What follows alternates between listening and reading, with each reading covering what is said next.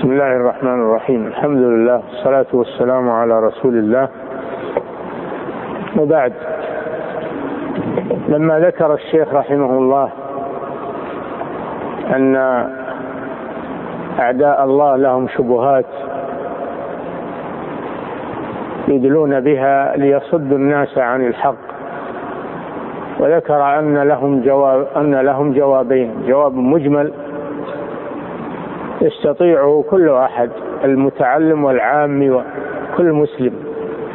وهو أن يعتقد أن كلام الله لا يتناقض وكلام الرسول صلى الله عليه وسلم لا يتناقض أبدا بل يفسر بعضه بعضا ويجب الأخذ به كله. ما يؤخذ بطرف ويترك الطرف الآخر لأن كله كلام الله. كله كلام الرسول صلى الله عليه وسلم.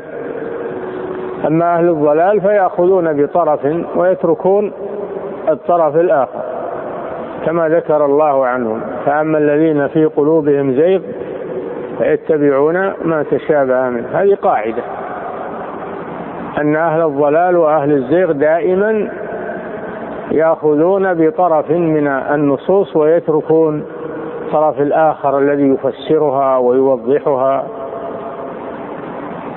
وأما أهل الحق فيأخذون بالطرفين يأخذون بكل النصوص ويفسرون كلام الله بعضه ببعض كلام الرسول ويردون المحكم إلى يردون المتشابه إلى المحكم. هذه طريقة الراسخين في العلم وهذه طريقة أهل الزيغ. هذا من حيث العموم من حيث التفصيل. يقول إن أعداء الله وأعداء الرسل لهم شبهات يدلون بها دائما. شبهات. وهذه الشبهات تشكل على العوام وغير المتمكنين من طلب العلم. فينبغي للمسلم أن يحذر منها. وأن يدرس الإجابة عنها حتى لا يؤثرون عليه بها.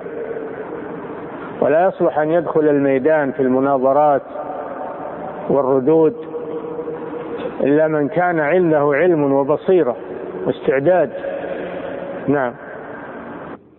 وأما الجواب المفصل فإن أعداء الله لهم اعتراضات كثيرة على دين الرسل ويصدون بها الناس عنه. نعم كما قال الله جل وعلا وكذلك جعلنا لكل نبي عدوا من المجرمين. لهم الرسل لهم أعداء وهم رسل الله. فكيف لا يكون للعلماء أعداء أيضا؟ هذه سنة الله أنه جعل هذا وهذا من أجل الامتحان والابتلاء. وكذلك جعلنا لكل نبي لكل نبي عدوا. من هو هذا العدو؟ شياطين الإنس والجن. وشوف كيف بدأ بشياطين الإنس. لأنهم أشد خطر من شياطين الجن. لأن شياطين الإنس يخالطونك وتشوفهم. ويدعون العلم فهم أشد فتنة من شياطين الجن ولذلك قدمهم الله في الذكر شياطين الإنس والجن. يوحي بعضهم إلى بعض يلقي بعضهم إلى بعض الشبهات التي يعترضون بها على دين الرسل.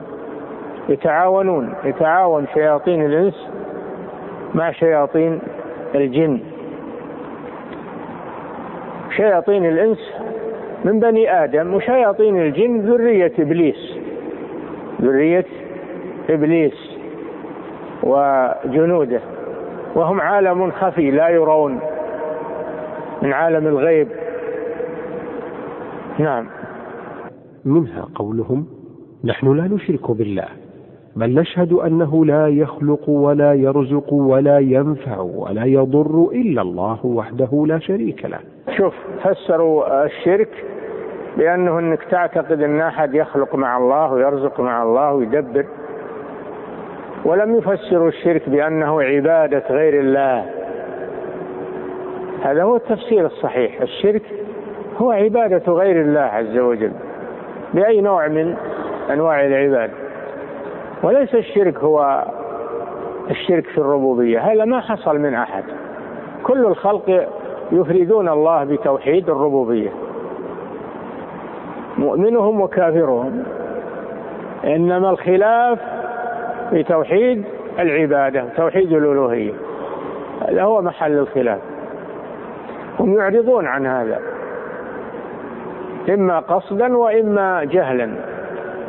ويفسرون الشرك بأنه أن تعتقد أن مع الله من يخلق ويرزق ويدبر. ولا يرون أنه أن تجعل مع الله شريكا في عبادته. أبدا ما يقولون لأجل يبقون على ما هم عليه من الشرك. يقولون هذا ما هو بشرك. نعم.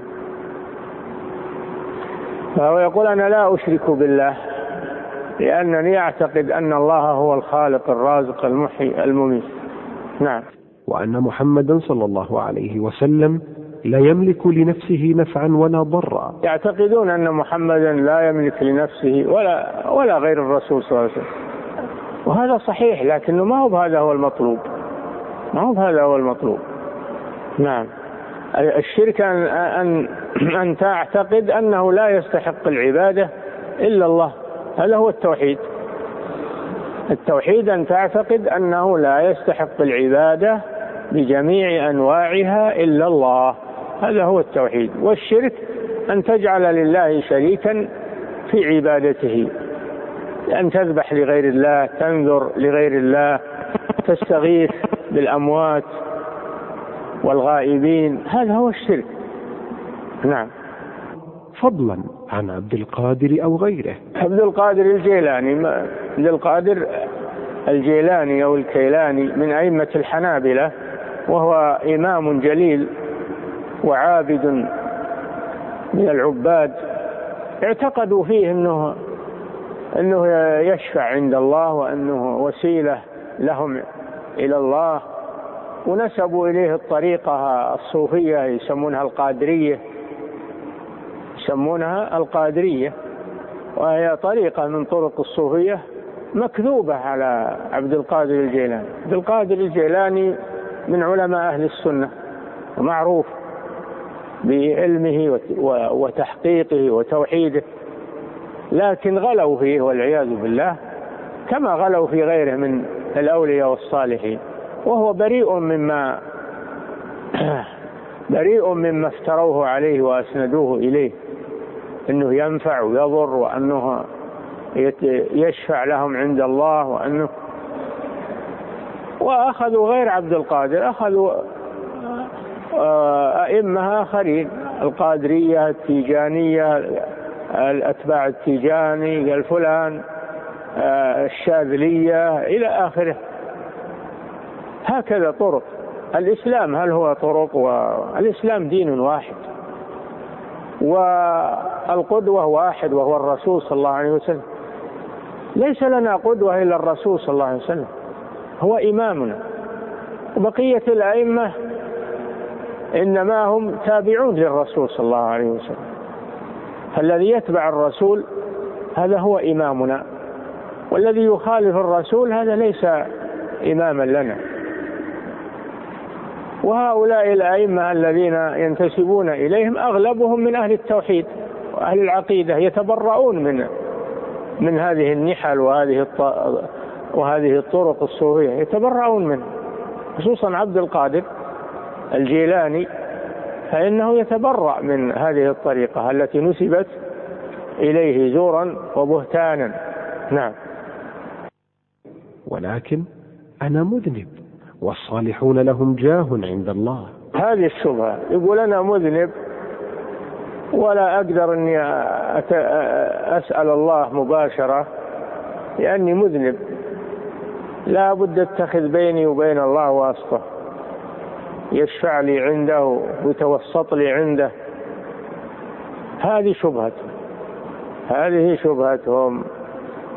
ولا يقتصرون على أنهم يتخذونه واسطة. أو يسألون بحقه أو بجاه هذه بدعة هذه بدعة. ولكن يزيدون على ذلك بأن يذبحوا له وينذرون له ويصرفون له شيء من العبادة. يصرفون لهؤلاء أنواعا من العبادة من أجل أن يشفعوا لهم عند الله. كما قال المشركون من قبل ما نعبدهم إلا ليقربونا إلى الله زلفى. إلا ليقربونا إلى الله زلفى ويعبدون من دون الله ما لا يضرهم ولا ينفعهم ويقولون هؤلاء شفعاؤنا عند الله. هذه شبهة المشركين الأولين. يقولون نحن لا نشرك بالله. نعتقد أن الله هو الخالق الرازق المحيي المميت لكن نحن مذنبون وهؤلاء صالحون ويتوسطون لنا عند الله. لو اقتصر الأمر على هذا صار بدعة فقط. لكن ما اقتصر على هذا.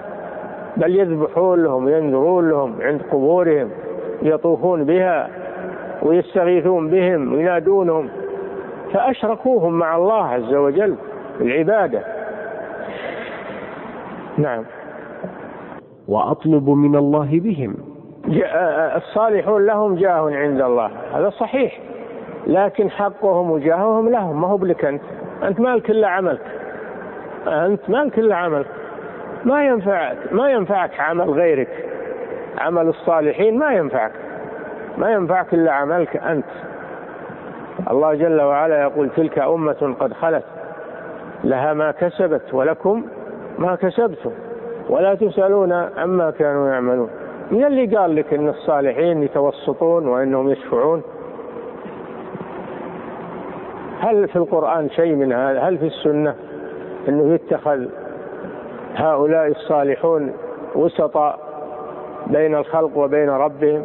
الله جل وعلا ليس بينه وبين الخلق واسطة في قضاء الحاجات وتفريج الكربات والرزق والمغفرة ليس بينه وبينهم واسطة بل إنهم يطلبون منه مباشرة. وصلاح الصالحين ما ينفعك أنت ينفعهم هم فقط. ما علاقتك بأعمال الصالحين. ما لك علاقة بها. توسل إلى الله بأعمالك أنت. ما توسل إلى الله بأعمال فلان. تقول فلان صالح وفلان تقي. يا رب شفعه في ما تقول هذا. تقول أسألك بأني أشهد أن لا إله إلا أنت وأن محمدا عبدك ورسولك. حان الآن وقت صلاة العصر حسب توقيت مكة المكرمة. هذه حجة المشركين الأولين وقد رد الله عليهم بها ولم يقبلها منهم. نعم. فإن قال إن هؤلاء الآيات نزلت في من يعبد الأصنام كيف تجعلون الصالحين مثل الأصنام؟ هذه شبهة ثانية. يقول أن المشركين الأولين يعبدون الأصنام والأحجار والأحجار والأشجار. وأنا ما أعبد الأصنام ولا الأحجار والأشجار أنا أتقرب إلى الصالحين ليتوسطوا لي. الجواب أن تقول المشركون الأولون متنوعون في شركهم. منهم من يعبد الأصنام ومنهم من يعبد الملائكة ومنهم من يعبد الأنبياء والصالحين. فاللي يعبدون الأصنام طائفة منهم. وأكثر المشركين لا يعبدون الأصنام وإنما يعبدون الأولياء والصالحين. قوم نوح. قوم نوح من عبدوا؟ عبدوا الصالحين ود وسواع ويغوث ويعوق. ما عبدوا الأصنام عبدوا الصالحين. هذه نعم. أم كيف تجعلون الأنبياء أصناما؟ الأنبياء ليسوا أصناما. ولكن دعاؤهم وتقرب إليهم هذه عبادة لغير الله عز وجل. وإن كانوا أنبياء والأنبياء لا يرضون بهذا هم جاءوا بالنهي عن هذا. وما أرسلنا من قبلك من رسول إلا نوحي إليه أنه لا إله إلا أنا فاعبدون. ينهون عن هذا. ينهون حتى عيسى عليه السلام يوم القيامة حينما يقول الله له يا عيسى ابن مريم أنت قلت للناس اتخذوني وأمي إلهين من دون الله؟ قال سبحانك ما يكون لي أن أقول ما ليس لي بحق. إن كنت قلته فقد علمته. تعلم ما في نفسي ولا أعلم ما في نفسك إنك أنت علام الغيوب. ما قلت لهم إلا ما أمرتني به أن اعبدوا الله ربي وربكم. هذا الذي أمر به المسيح. ما قال لهم اعبدوني أو اعتقدوا أني ابن الله أو أني المخلص أو أني أنا اللي أتوسط لكم عند الله. ما قال المسيح هذا عليه السلام. بل أمر بعبادة الله وحده لا شريك له. اعبدوا الله ربي وربكم. هذا الذي قاله المسيح. نعم. فجاوبه بما تقدم. إي نعم من أن المشركين أول شيء إنهم ما اقتصروا على عبادة الأصنام بل يعبدون الأولياء والصالحين والملائكة والمخلوقين. وثانيا إنهم ما اعتقدوا في هذه أنها تخلق وترزق وإنما اعتقدوا أنها وسائط شفع فقط. نعم.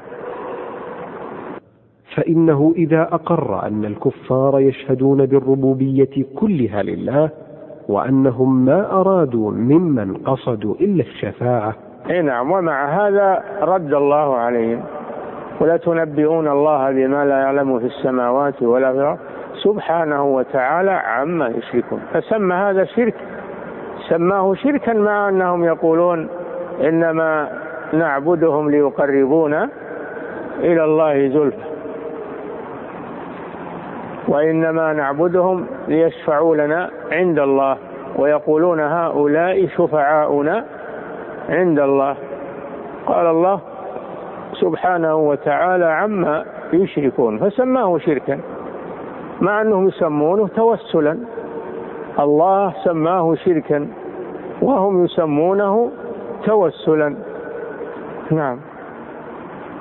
ولكن أراد أن يفرق بين فعلهم وفعله بما ذكر. أراد هذا المشرك أن يفرق بين فعل المشركين الأولين وبين فعله بأن فعله توسل وطلب للشفاعة. والأولين يعبدون الأشجار والأحجار والأصنام. نقول أبدا. هم مثلك يعبدون الأولياء والصالحين والملائكة والجن والإنس. ومنهم من يعبد الأصنام. صحيح منهم من يعبد الأصنام لكن ما هم كلهم. وحتى اللي يعبدون الأصنام ما يعتقدون أنها تخلق وترزق وإنما يريدونها وسائط بينهم وبين الله. نعم. فاذكر له أن الكفار منهم من يدعو الأصنام ومنهم من يدعو الأولياء. ما هم ما هم كلهم مقتصرين على عبادة الأصنام بل منهم من يعبد الصالحين مثلكم. نعم. الذين قال الله فيهم. أولئك الذين يدعون يبتغون إلى ربهم الوسيلة. أيهم أقرب؟ قال الله جل وعلا أولئك الذين يدعون يبتغون إلى ربهم الوسيلة. الوسيلة يعني القرب القرب من الله عز وجل. فإذا كانوا هم يبتغون إلى ربهم الوسيلة وفقراء كيف يدعون من دون الله؟ ويراد بهذا المسيح عليه السلام وعزير اللي يعبدونهم من دون الله. الله بين أن هؤلاء الذين تعبدونهم هم مثلكم عباد. يدعون الله عز وجل ويطلبون الوسيلة إليه والوسيلة هي القرب. ليست الوسيلة ما يريده هؤلاء أنه الواسطة. لا الوسيلة هي القرب من الله.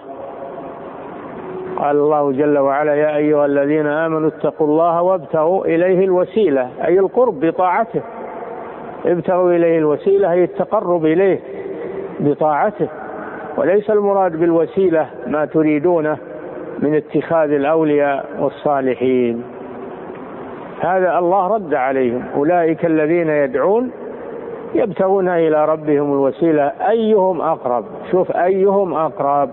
هذا يفسر الوسيلة بأنه التقرب إلى الله عز وجل ويرجون رحمته ويخافون عذابه. فإذا كان هؤلاء عباد يرجون الرحمة ويخافون من عذاب الله فكيف يدعون من دون الله؟ نعم. ويدعون عيسى ابن مريم وأمه. وقد قال الله تعالى ما المسيح ابن مريم إلا رسول قد خلت من قبله الرسل وأمه صديقة كانا يأكلان الطعام. انظر كيف نبين لهم الآيات ثم انظر أنا يؤفكون. هم يعبدون, يعبدون المسيح عليه السلام ويعبدون مريم أم المسيح ويقولون الله ثالث ثلاثة. نسأل الله العافية. الله رد عليهم فقال ما المسيح ابن مريم إلا رسول قد خلت من قبله الرسل ليس له من الربوبية شيء وإنما هو رسول مبلغ عن الله عز وجل مثل غيره من الرسل. ما المسيح ابن مريم إلا رسول ما هو بإله وليس هو ابن الله كما تقولون وإنما هو ابن مريم ليس ابنا لله وإنما هو ابن مريم بشر مخلوق. وأمه صديقة عابدة. أمه صديقة عابدة لله عز وجل. وليست ربا وإنما هي عابدة لله. والصديق هو المبالغ في الصدق. الصديق هو المبالغ في الصدق. فمريم عليها السلام صديقة ليست نبية. وإنما هي صديقة من الصديقين وهم المبالغون في الصدق مع الله سبحانه وتعالى. مثل أبي بكر الصديق رضي الله عنه سمي صديقا لأنه كثير الصدق رضي الله عنه. لا يعرف الكذب لا يعرف الكذب وإنما هو صادق في جميع أموره مخلص لله عز وجل فسمي بالصديق. والمؤمنون درجات. المؤمنون درجات. منهم الأنبياء ومنهم الصديقون ومنهم الصالحون. ومن يطع الله ورسوله فأولئك مع الذين أنعم الله عليهم من النبيين والصديقين والشهداء والصالحين. أربعة أصناف أربع طبقات. المؤمنون أربع طبقات أنبياء أو صديقون وهم الذين يلون الأنبياء في المرتبة أو صالحون أو شهداء. شهداء استشهدوا في سبيل الله عز وجل. هذه مراتب المؤمنين. فعيسى عليه السلام نبي من الأنبياء من الدرجة الأولى وأمه من إيش؟ من الدرجة الثانية صديقة. فإذا كان نبيا وأمه صديقة كيف يعبدون من دون الله عز وجل؟ هذا برهان على رد عليهم. وكذلك برهان ثاني يأكلان الطعام والرب لا يأكل الطعام. أكل اللي يأكل الطعام هذا محتاج. والرب غني سبحانه ما هو بحاجة إلى أن يأكل الطعام. فكون عيسى يأكل الطعام ومريم تأكل الطعام.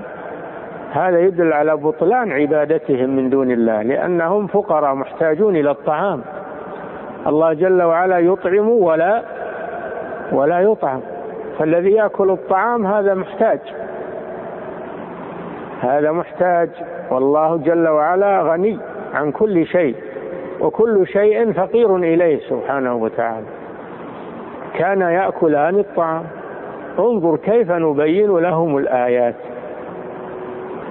انظر كيف نبين لهم الآيات يعني الأدلة والبراهين ومع هذا لا يعبؤون بها. نعم.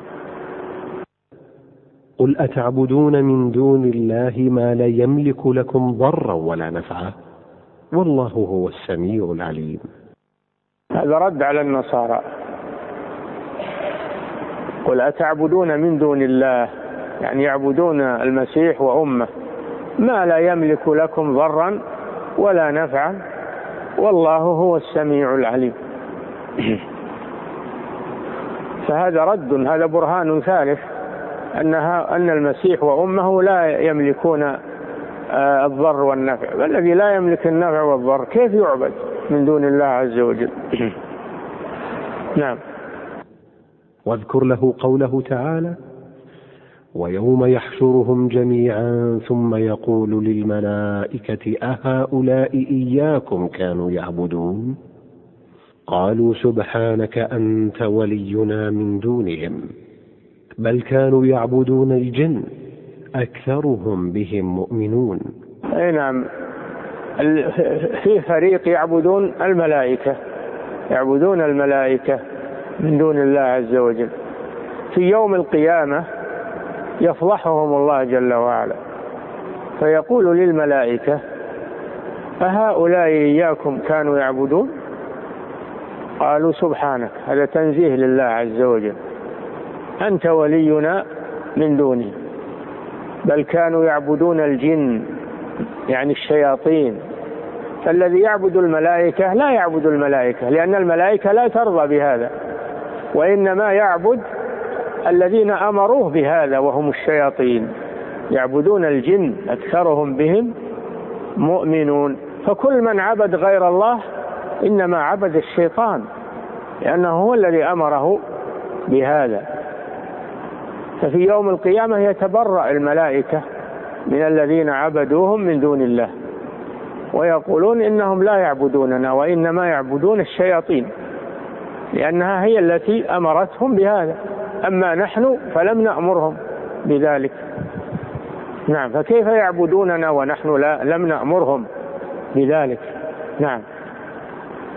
وقوله تعالى وإذ قال الله يا عيسى ابن مريم أأنت قلت للناس اتخذوني وأمي إلهين من دون الله؟ قال سبحانك ما يكون لي أن أقول ما ليس لي بحق. ممن عبدوهم يوم القيامة ذكر موقف المسيح منهم وأنه تبرأ يتبرأ منهم أيضا. هذا مآلهم وهذه عاقبتهم. وكل من عبد غير الله فإن معبوده يتبرأ منه يوم القيامة. يتبرأ منه. وإذا حشر الناس ومن أضل من يدعو من دون الله من لا يستجيب له إلى يوم القيامة. وهم عن دعائهم غافلون. وإذا حشر الناس كانوا لهم أعداء وكانوا بعبادتهم كافرين. تبرؤون منهم يوم القيامة. هذه العاقبة. نعم. كل معبود دون الله يتبرأ ممن عبده يوم القيامة. والحاجة متى؟ الحاجة إلى العبادة متى تكون؟ يوم القيامة. فإذا صار يوم القيامة تبرأ. كل من عبد من دون الله ممن عبده وانقطعت به الأسباب والعياذ بالله. إذا تبرأ منه معبوده ما ماذا يبقى له؟ ما يبقى إلا الذين يعبدون الله عز وجل.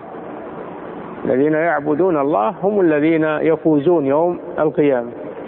أما الذين يعبدون غير الله فإنهم يخيبون ويخسرون يوم القيامة لأنهم يتبرؤون منهم. أحوج ما يكونون إليهم. فالله بين لعباده هذا من أجل التحذير من الشرك. بين لهم عاقبة المشركين حتى يتركوا الشرك ما داموا على قيد الحياة ويستدركوا أمرهم قبل أن يفوت الأوان. نعم. فقل له أعرفت أن الله كفر من قصد الأصنام؟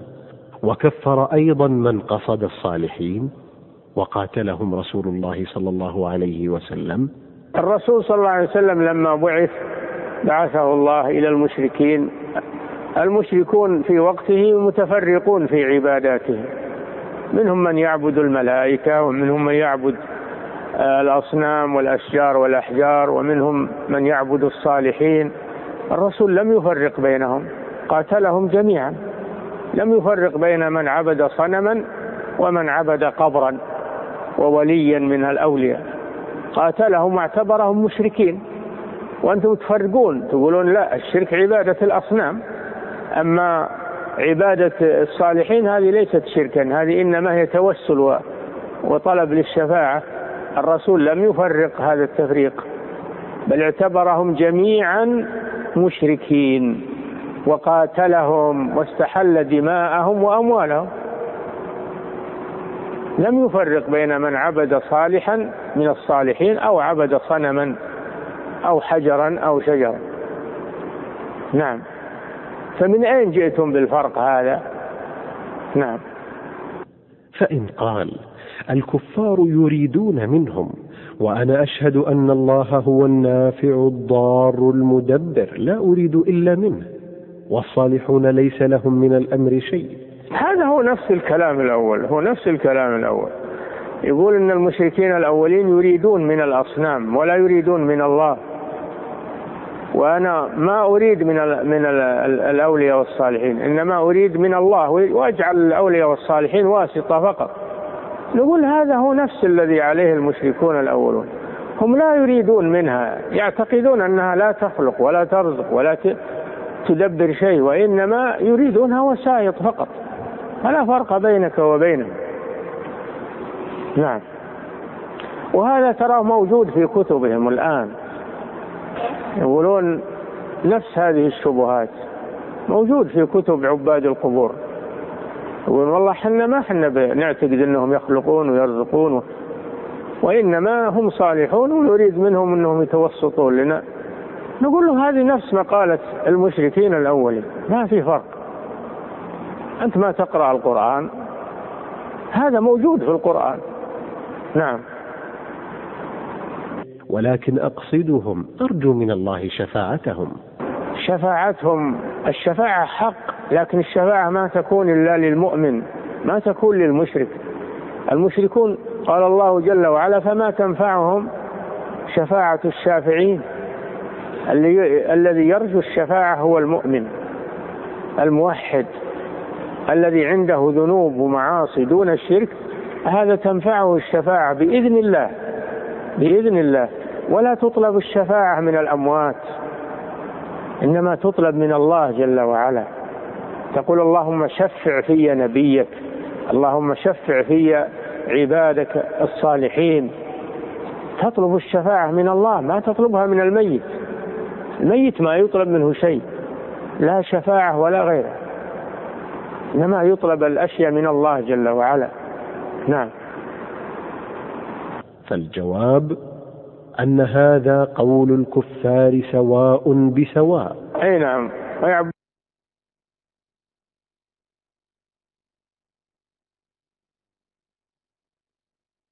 شفعاؤنا عند الله. أنتم تقولون هؤلاء شفعاؤنا. ما ما نعتقد فيهم النفع والضر وإنما نطلب منهم الشفاعة فقط. هذا كلام المشركين الأولين. نعم. واقرأ عليه قوله تعالى والذين اتخذوا من دونه أولياء ما نعبدهم إلا ليقربونا إلى الله زلفى. هذا قصدهم. وهم قصدهم أنهم ينفعون ويضرون. إنما قصدهم أنهم يقربونهم إلى الله زلفى. ومع هذا حكم الله عليهم بالكفر.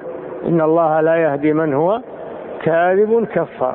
حكم على قولهم هذا بأنه كذب وأنه كفر. وهم يقول يقولون ما نعتقد فيهم الخلق والرزق وال و... وأمور الربوبية وإنما نعتقد فيهم أنهم يقربوننا إلى الله زلفى بمعنى أنهم يتوسطون لنا عند الله. الله قال جل وعلا إن الله لا يهدي الله يحكم بينهم فيما هم فيه يختلفون. إن الله لا يهدي من هو كاذب كفار. حكم على قولهم بأنه كذب وأنه كفر. وهم يقولون نريد منهم أنهم يقربوننا إلى الله. نفس الشيء. نعم. وقوله تعالى ويقولون هؤلاء شفعاؤنا عند الله. أي نعم هم يقولون يقربوننا إلى الله زلفى أو شفعاء. والله رد الشبهتين. رد اتخاذهم شفعاء في سورة يونس. ورد اتخاذهم وسائط يقربون إلى الله في سورة الزمر. قال تعالى تنزيل بسم الله الرحمن الرحيم. تنزيل الكتاب من الله العزيز الحكيم. إنا أنزلنا إليك الكتاب بالحق فاعبد الله. شوف فاعبد الله مخلصا له الدين. ألا لله الدين الخالص. الله ما يقبل إلا الدين الخالص من الشرك. والذين اتخذوا من دونه أولياء ما نعبدهم إلا ليقربونا إلى الله زلفى. إن الله يحكم بينهم يوم القيامة فيما هم فيه يختلفون. إن الله لا يهدي من هو كاذب كفار. فحكم عليهم بالكفر والكذب وهم يقولون ما نعبدهم إلا ليقربونا إلى الله زلفى. نفس مقالتكم سواء بسواء. نعم. واعلم أن هذه الشبه الثلاثة هي أكبر ما عندهم. إي نعم الشبهة الثلاثة التي سبقت إنهم إن الشرك هو عبادة الأصنام وأما عبادة الأولياء والصالحين هذا ليس شرك وإنما هو توسل وطلب للشفاعة. هذه شبهة ورد عليها الشيخ رحمه الله. والشبهة الثانية أنهم يقولون ما سبق. يقولون ما سبق. إن إن الله أمر باتخاذ الوسيلة يبتغوا إليه الوسيلة وهذه وسيلة نقول لا الوسيلة ما هي أنك تجعل بينك وبين الله واسطة من الخلق. الوسيلة هي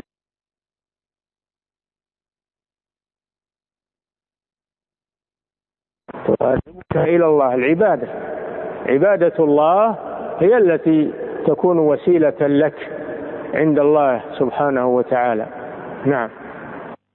فإذا عرفت أن الله وضحها لنا في كتابه وفهمتها فهما جيدا فما بعدها؟ أيسر منها. إذا فهمت هذه الشبهة بأنواعها الثلاثة فهمت جوابها فاللي بعدها سهل. بقية الشبهات أسهل منها.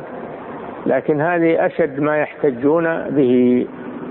أشد ما يحتجون به إنهم يقولون نحن ما نريد منهم إنهم يخلقون لنا شيء ويرزقون وإنما نريد منهم الشفاعة فقط. هذه واحدة. الثانية يقولون الشرك هو عبادة الأصنام أما اتخاذ الأولياء والصالحين هذا ليس شركا وإنما هو توسل إلى الله سبحانه وتعالى. فهذه أعظم ما عندهم من الشبهات. نعم. فإن قال أنا لا أعبد إلا الله وهذا الالتجاء إليهم ودعاؤهم ليس بعبادة. هذه شبهة أخرى. هذه شبهة أخرى. يقول أنا لا أعبد إلا الله. العبادة يعترف أنها لله. ولكن طلب الشفاعة والتوسط بهم ليس شركا وليس عبادة ليس عبادة لهم. تقول له الله سماه عبادة في القرآن.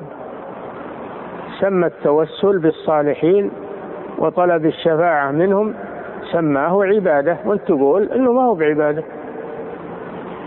وسماه شركا أن تقول إنه ما هو بشرك. فهذه محادة لله عز وجل. نعم. فهذا من تسمية الأسماء من تسمية الأشياء بغير اسمه.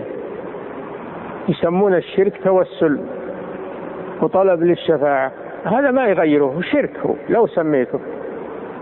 لو سميته توسل هو شرك. الله سمى الله جل وعلا سماه شركا في القرآن. سماه شركا في القرآن. سبحانه وتعالى عما يشركون. مع أنهم يقولون ليقر... مع أنهم يقولون ما نعبدهم إلا ليقربونا إلى الله زلفى. شوف اعترفوا أنهم يعبدونهم ما نعبدهم. إلا ليقربونا إلى الله زلفى. اعترفوا إنهم يعبدون غير الله ولكن احتجوا بأنه ما هو بقصدهم الشرك قصدهم إنهم يقربونهم إلى الله زلفى. تناقض هذا هذا تناقض. ويعبدون من دون الله ما لا يضرهم ولا ينفعهم ويقولون هؤلاء شفعاؤنا عندنا يسمونه شفاعة. الله سماه شركا. فقال سبحانه وتعالى عما يشركون سماه شركا وهم يسمونه طلب شفاعة ويسمونه توسل إلى الله سماه الله كفرا. إن الله لا يهدي من هو كاذب كفار. تغيير الأسماء ما يغير الحقائق. نعم. فقل له. أنت تقرأ أن الله افترض عليك إخلاص العبادة لله وهو حقه عليك. هو هو يعترف أن الله فرض عليه العبادة والإخلاص لله. تقول له فسر لي العبادة ما هي؟ لأنه ما يعرف العبادة ولا يعرف الشرك. ما يعرف تعريف العبادة. لو تقول له عرف لي العبادة ما استطاع. عرف لي الشرك ما يستطيع. فكيف يدعي شيئا وهو لا يعرفه؟ نعم. فإذا قال نعم فقل له تبين لي هذا الذي فرض عليك؟ بين لي العبادة الإخلاص في العبادة ما معناه؟ ما معناه؟ هل معناه أنك ما تعبد إلا الله ولا تعبد غيره؟ أو معناه أنك تعبد الله وتعبد معه غيره؟ هذا الواقع منهم أنهم يعبدون الله ويعبدون معه غيره فهم هم خالفوا أمر الله جل وعلا، الله أمرهم بإخلاص العبادة له وهم أشركوا معه غيره. نعم. وهو إخلاص العبادة لله وحده. يعني متى تكون العبادة خالصة لله وحده؟ إذا لم يكن فيها شرك ودعوة لغير الله. نعم. وهو حقه عليك. فإن كان لا يعرف العبادة ولا أنواعها فبينها له بقولك. قال الله تعالى ادعوا ربكم تضرعا وخفية. اساله عن معنى العبادة. ويقول العبادة حق لله ولا يجوز يعبد غير الله. يقول هذا. قل له ما معنى العبادة؟ ما معنى العبادة؟ العبادة أن تتقرب إلى الله بجميع أنواع ما شرعه. إذا نذرت لغير الله هذا شرك وهذا هو واقعهم إنهم يذبحون للقبور وينذرون للقبور ويستغيثون بالأموات وهم يقولون ما نعبد إلا الله. فهذا عبادة لله. فلا بد أن يقول نعم والدعاء مخ العبادة فقل له. إذا أقررت أنها عبادة ودعوت الله ليلا ونهارا خوفا وطمعا ثم دعوت في تلك الحاجة نبيا أو غيره. هل أشركت في عبادة الله غيره؟ فلا بد أن يقول نعم. فقل له فإذا علمت بقول الله تعالى فصل لربك وانحر وأطعت الله ونحرت له هل هذا عبادة؟ فلا بد أن يقول نعم. فقل له إذا نحرت لمخلوق نبي أو جني أو غيرهما هل أشركت في هذه العبادة غير الله؟ فلا بد أن يقر ويقول نعم. وقل له المشركون الذين نزل فيهم القرآن هل كانوا يعبدون الملائكة والصالحين واللات وغير ذلك؟ فلا بد أن يقول نعم. فقل له وهل كانت عبادتهم إياهم إلا في الدعاء والذبح والالتجاء ونحو ذلك؟ وإلا فهم مقرون أنهم عبيده وتحت قهره وأن الله هو الذي يدبر الأمر. ولكن دعوهم والتجأوا إليهم للجاه والشفاعة وهذا ظاهر جدا. نعم هذا جواب واضح. يقول العبادة لله أنا أعترف بهذا وأن الله أمر بإخلاص العبادة لله. تجي لما أفعاله اللي هو يفعل تقول له هل الدعاء عبادة؟ لازم يقول نعم الدعاء عبادة. قل له إذا دعوت غير الله هل أشركت؟ لابد يعترف يقول نعم هذا شرك. قل له الذبح الذبح هل هو عبادة ولا لا؟ لابد يقول إنه عبادة. قل له إذا ذبحت لغير الله هل أشركت؟ لابد يقول نعم. لا بد أن يقول نعم ما يستطيع يقول لا. وكذلك بقية أعمالهم. كل أنواع العبادة إذا صرف شيء منها لغير الله فهذا شرك. وهذا هو ما هم عليه. يذبحون للقبور ينذرون. النذر قل هل النذر عبادة؟ لا بد يقول نعم عبادة. قل له إذا نذرت لله هل عبدت الله؟ يقول نعم. قل له وإذا نذرت لغير الله هل عبدت غير الله؟ لابد يقول نعم. فأنت تلزمه بهذه الأمور. تلزمه بهذه الأمور. فإذا ألزمته بهذه الأمور فإما أن يمن الله عليه بالتوبة والرجوع إلى الحق وإما أن يعاند ويبقى لكن يكون عن علم ما هو عن جهل. أنت بينت له وعلم هذا وعرفه فإذا أصر فقد قامت عليه الحجة. وانقطعت معذرته وزال جهله. وهذه فائدة المناظرة. هذه فائدة المناظرة مع هؤلاء. نعم. فإن قال أتنكر شفاعة رسول الله صلى الله عليه وسلم وتبرأ منها؟ إذا قال لك أن تنكر شفاعة الرسول تقول لا شفاعة الرسول حق. الشفاعة حق. فيقول أنا أنا أطلب الشفاعة. هذا قصدي. تقول له الشفاعة إنما هي لأهل التوحيد وأهل الإيمان. ما تكون الشفاعة للمشركين والكفار. قال جل وعلا ولا يشفعون إلا لمن ارتضى. والله لا يرضى عن المشركين وعباد القبور وعباد الأصنام. فإذا كنت تريد الشفاعة فعليك بالإخلاص لله عز وجل عليك بالتوحيد. والشفاعة ما تطلب من الأموات. الميت ما يقدر على شيء. الشفاعة تطلب من الله جل وعلا. تقول اللهم شفع في نبيك اللهم شفع في عبادك الصالحين اللهم ارزقني شفاعتهم. تطلبها من الله. ما تطلبها من الميت. تقف عند القبور وتطلب منهم الشفاعة. اطلب من الله ارفع يديك لله. قل اللهم شفع في نبيك وعبادك الصالحين. اللهم ارزقني شفاعتهم يوم القيامة. لأن الشفاعة ملك لله قل لله الشفاعة جميعا. فتطلب من الله جل وعلا. نعم. فقل لا أنكرها ولا أتبرأ منها بل هو صلى الله عليه وسلم الشافع المشفع وأرجو شفاعته. الشفاعه لله ما هي ملك للمخلوقين والمخلوق ما يشفع إلا بعد إذن الله جل وعلا. من ذا الذي يشفع عنده إلا بإذنه. نعم. ولكن الشفاعة كلها لله تعالى.